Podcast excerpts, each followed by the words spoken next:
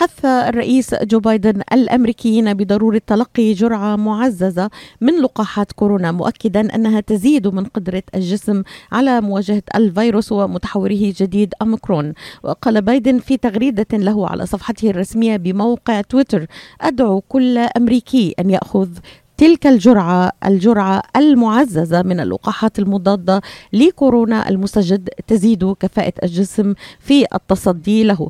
وأضاف تمكن الجرعة المعززة من زيادة قدرة الجسم على إنتاج الأجسام المضادة الخاصة بمكافحة الفيروسات والأجسام الغريبة.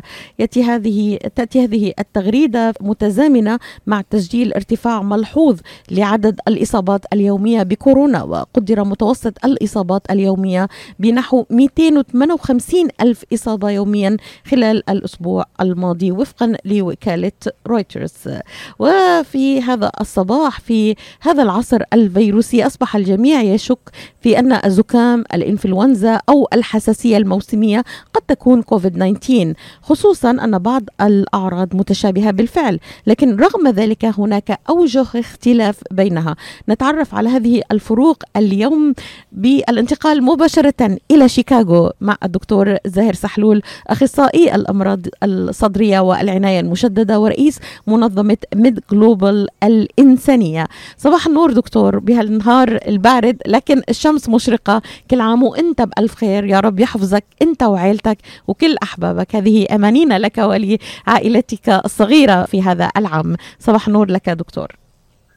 الله يسلمك صباح الخير. آه، كل عام وأنتم بخير. إليك وللمستمعين ولعائلتك. إن شاء الله تكون آه، سنة آه، خير وجمال وسعادة وصحة للجميع. دكتور يعني موضوع اليوم أثار اهتمام كبير ليس على مستوى فقط مستمعينا ولكن على مستوى العالم أتتني آه، مطالبات آه، من المملكة العربية السعودية من دول أخرى من مصر وغيرها لتفنيد هذا الموضوع.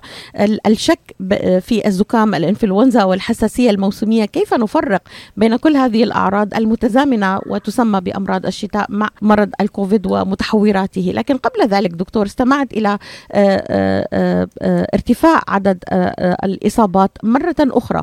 يعني مرة أخرى نتساءل دكتور ما هو السبب في هذا الارتفاع الكبير وعودة هذا الارتفاع مرة أخرى آه، في أمريكا وحول العالم؟ للأسف آه، يعني هذه المرة الخامسة في الولايات المتحدة الأمريكية وفي العالم آه، الموجة الخامسة للكوفيد. وحقيقة كانت مفاجئة لأنه بسبب انتشار التلقيح خاصة في الدول المتقدمه كان الهدف والأمل إنه آه، ما تصير في هالموجات هاي. آه، السبب طبعا الأساسي هو آه، يعني عدة أمور. الأمر الأول هو الأوميكرون المتحور الجديد اللي هو مختلف عن الفيروس الأساسي واللي يعني طبيعته وتركيبه أصلا بروتين اس مختلف مقاوم للقاحات الموجودة خاصة بالناس اللي ما أخذوا الجرعة الداعمه فهذا المتحور الجديد آه، طبعا سريع الانتشار أكثر بخمس مرات من المتحور الماضي اللي هو متحور دلتا. آه، في حوالي 50 آه، طفرة أو اختلاف عن المتحور عن الفيروس الأساسي. وسرعة انتشاره بيؤدي إلى طبعا مئات الآلاف أو الملايين من الناس اللي عم يصابوا كل يوم خاصة في بدأ في جنوب أفريقيا بعدين انتشر إلى أوروبا خاصة بريطانيا والدنمارك والدول الأخرى. وطبعا في الولايات المتحدة الأمريكية من ثلاث أسابيع كان أعداد قليلة جدا هلأ هو المتحور الغالب في أمريكا. آه سريع الانتشار آه ومقاوم للقاح الأمر الثاني طبعا اللي هو إنه نسبة وجود لعدد آه، بأس فيه من غير الملقحين. مشافي حاليا مملوءة في ميشيغان في شيكاغو. المشفى اللي بروح فيها العنايه المشدده مليئة في مرضى الكوفيد.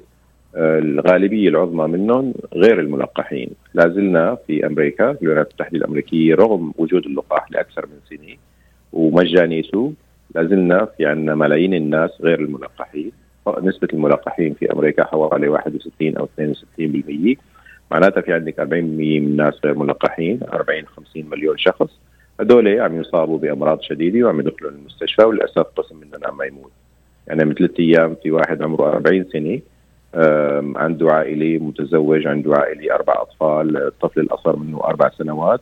توفي بعد آه، أسبوعين من المرض آه، على المنفس الاصطناعية بسبب أنه غير ملقح مع أنه عائلته ملقحة. والسبب سؤال يطرحه البعض وطرحه البعض علينا دكتور يعني كيف تفسر أن بعض أيضا صغار العمر يعني في في في عمر الشباب ملقحين ولكنهم آه، نسبة ضئيلة منهم توفيت أو ربما أصيبوا إصابات شديدة واضطروا لدخول المستشفى على الرغم من من من إنهم ملقحين. كيف نفسر ذلك دكتور؟ طبعا ال breakthrough infection اللي هو الإنتان يعني أو الإصابة بالفيروس رغم اللقاح موجود خاصة مع المتحور أوميكرون. مثل ما بنعرف وذكرنا عدة مرات إنه اللقاح ما بيعطي مناعة 100% وإنما بتتراوح المناعة بين 70 ل 90% حسب نوع اللقاح. واذا استمرت إذا أخذ اللقاح من عدة أشهر المناعة تنخفض تدريجيا.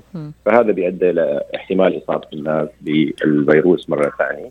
والمتحور الجديد متحور الأميكرون مقاوم للقاحات. هاي الأمور كلها تؤدي إلى احتمال نسبه إصابة خاصة الشباب. معظم الإصابات خفيفة جدا جدا جدا. ولكن بعض الناس خاصة المثبطين مناعة ممكن تصير عندهم إصابة شديدة ولكن هذا نادر جدا.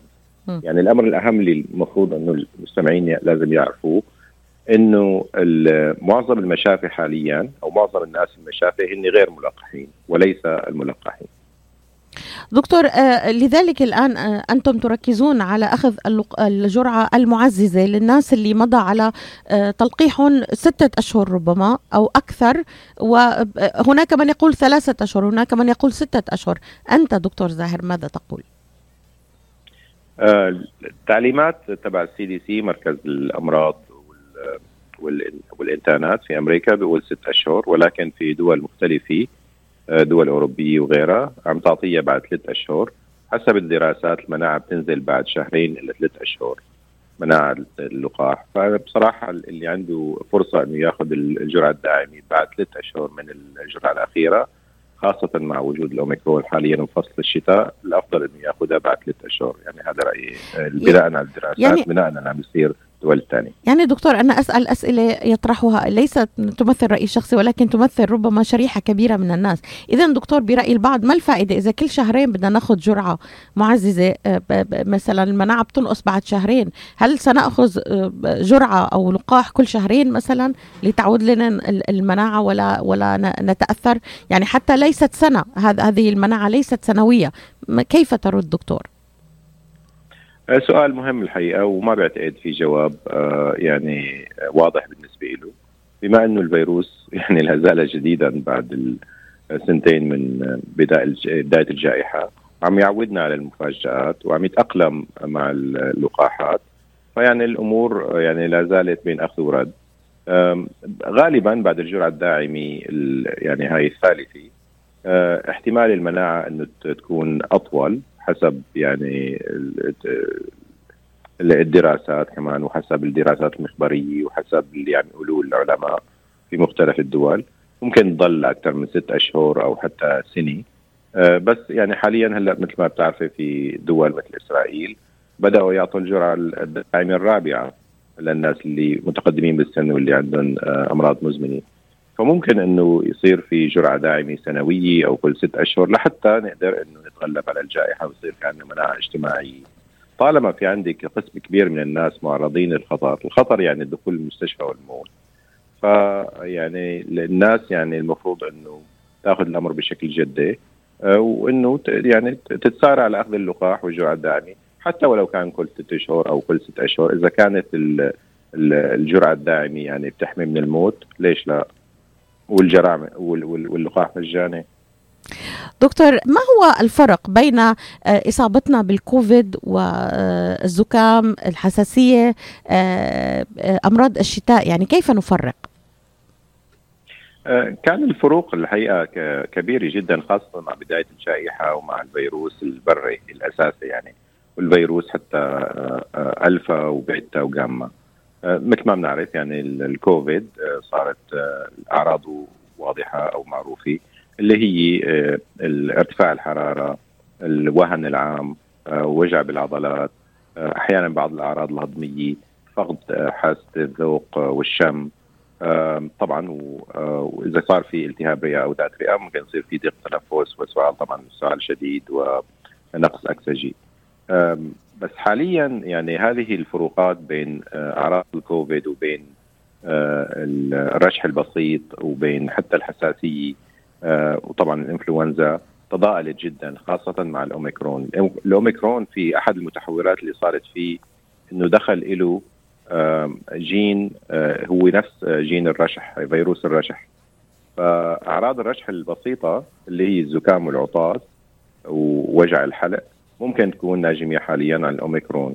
معظم الناس الإصابات الحالية بالفيروس الأوميكرون أو الكوفيد يعني هي أعراض رشح زكام وعطاس ووجع حلق وأحيانا ارتفاع حرارة بسيط. أعراض الحساسية مشابهة جدا اللي هي سيلان أنف وأحيانا بعض الحكي في الحلق. إذا كان يعني خاصة بين الشباب ممكن تكون كمان هي أعراض أوميكرون. أعراض الإنفلونزا يعني شبيهة جدا بأعراض الكوفيد ارتفاع حرارة ووجع عضلات أو سعال جاف فما فينك تفرقي بين الإنفلونزا والكوفيد بناء على الأعراض. يعني للأسف ما في حاليا عرض فينك تقول إنه هذا كوفيد أو تمثل كوفيد على أساسه. أي إنسان أي إنسان سواء كان ملقح أو غير ملقح عنده سعال أو وجع بالحلق أو سيلان بالانف أو زكام أو ارتفاع حرارة بسيط لازم يأخذه بشكل جدي ويعمل فحص. منزلي لأنه الفحوص المنزلية متوفرة لحتى يعرف إنه كوفيد أو غير كوفيد. إذا استمرت الأعراض وهو خيفان إنه ما يصيب ناس في العمل أو تصيب ناس في العمل أو أعضاء من العائلة متقدمين من السن أو عندهم أمراض مزمنة لازم يأخذ فحص ال PCR مشان يتأكد إنه ما في عنده كوفيد لأنه الفحوص المنزلية أو فحص ال antigen ممكن تكون سلبية كاذبة. يعني الفحص يكون سلبي يعني يقول لك إنه ما معك كوفيد بس الإنسان ممكن يكون معه كوفيد كوفيد. فهاي الأمور حاليا لازم تأخذ بشكل بمحمل جدي ما يقول الواحد إنه هاي والله حساسية أو إنه فقط رشح لأنه الأعراض صارت يعني قد إيه دكتور يعني إذا حضرتك ذكرت إنه هلأ اللي قدرت أنا أفهمه إنه اعراض كل الأعراض الآن أمراض الشتاء الموسمية كلها متشابهة مع أوميكرون بالذات. يعني أعراضه متشابهة صحيح. جدا.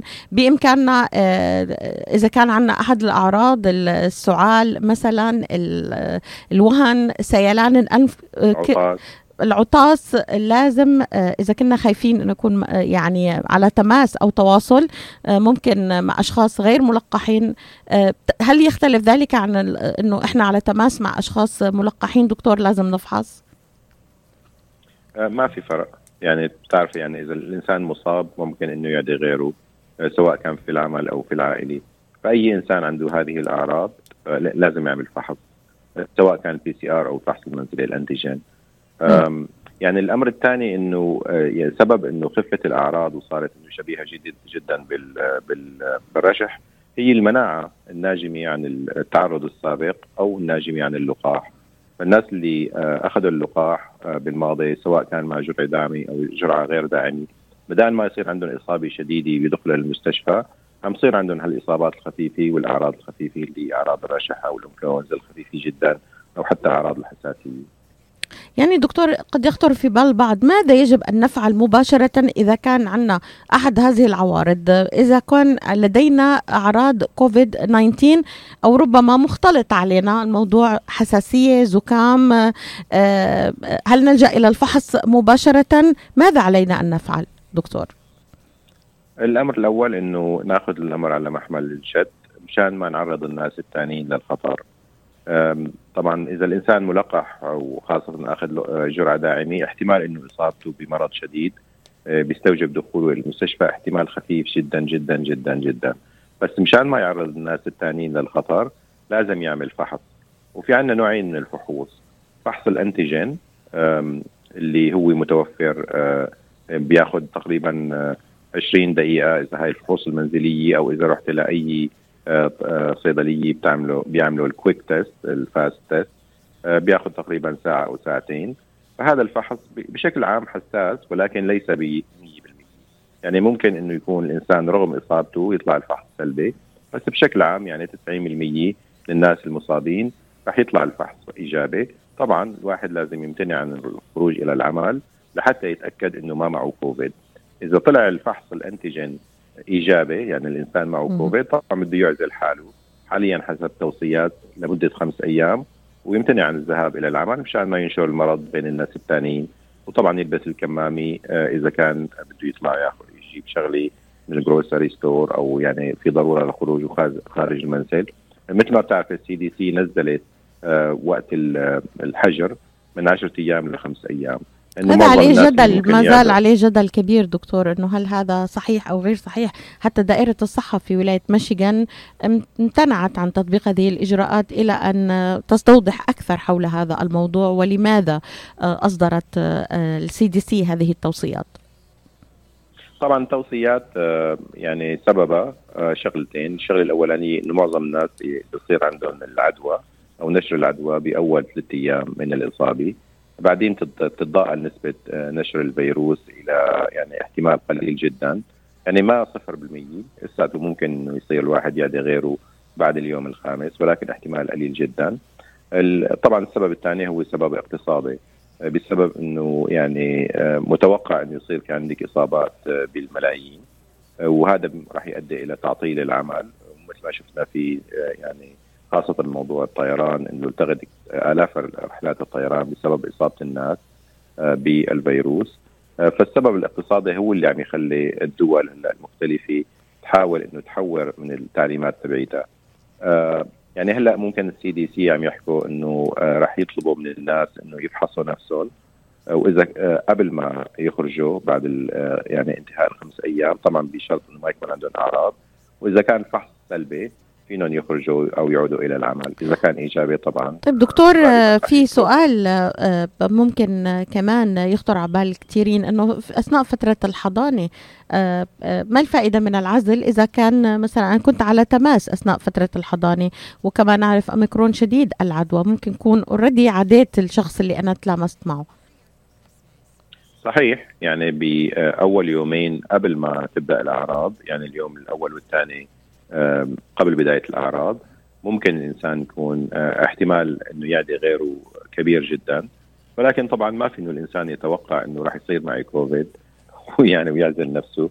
بس بشكل عام إذا إذا تعرض الإنسان لناس معهم كوفيد وعرف إنه معهم كوفيد وكان على تواصل معهم ضمن غرفه يعني ان ان inside لمدة أكثر من خمس دقائق وكانوا قريبين جدا أقل من 6 فيت فبده يعني يعتبر نفسه إنه ممكن إنه يصاب بالكوفيد لأنه مثل ما ذكرنا إنه الأوميكرون بينتشر بسرعة ولازم إنه يعزل نفسه لحتى يتأكد إنه إصابته إنه ما عنده إصابة. يعني فرضا أنت رحت على حفلة أو على عرس أو واحد راح على الجامع أو على الكنيسة وبعدين عرف إنه فلان اللي كان عم يحكي معه لمدة عشر دقائق كان مصاب بالفيروس. فلازم هذا الإنسان آه، يعني يفحص حاله ويبدأ بعزل نفسه حتى قبل ما تظهر عنده الأعراض.